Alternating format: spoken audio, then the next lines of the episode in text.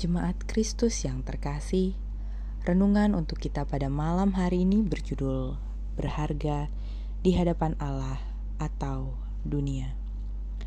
Dan bacaan kita diambil dari Matius pasal 18 ayatnya yang pertama sampai dengan yang kelima. Beginilah firman Tuhan. Pada waktu itu datanglah murid-murid itu kepada Yesus dan bertanya, Siapakah yang terbesar dalam kerajaan sorga? Maka Yesus memanggil seorang anak kecil dan menempatkannya di tengah-tengah mereka, lalu berkata, Aku berkata kepadamu, sesungguhnya jika kamu tidak bertobat dan menjadi seperti anak kecil ini, kamu tidak akan masuk ke dalam kerajaan sorga. Sedangkan barang siapa merendahkan diri dan menjadi seperti anak kecil ini, dialah yang terbesar dalam kerajaan sorga. Dan barang siapa menyambut seorang anak kecil seperti ini dalam namaku, ia menyambut aku.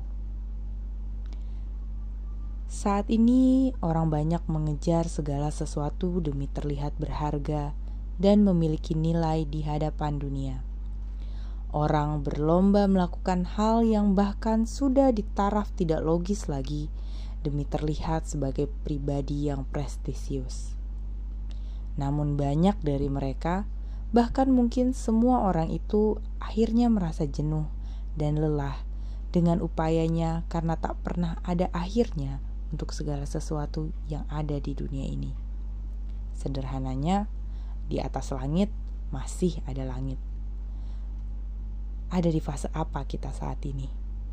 Apakah sedang mencari dan mengejar hal yang bernilai menurut ukuran dunia, atau kita sudah mulai lelah dan jenuh, atau kita mulai melihat Allah sebagai pusat hidup kita yang seharusnya.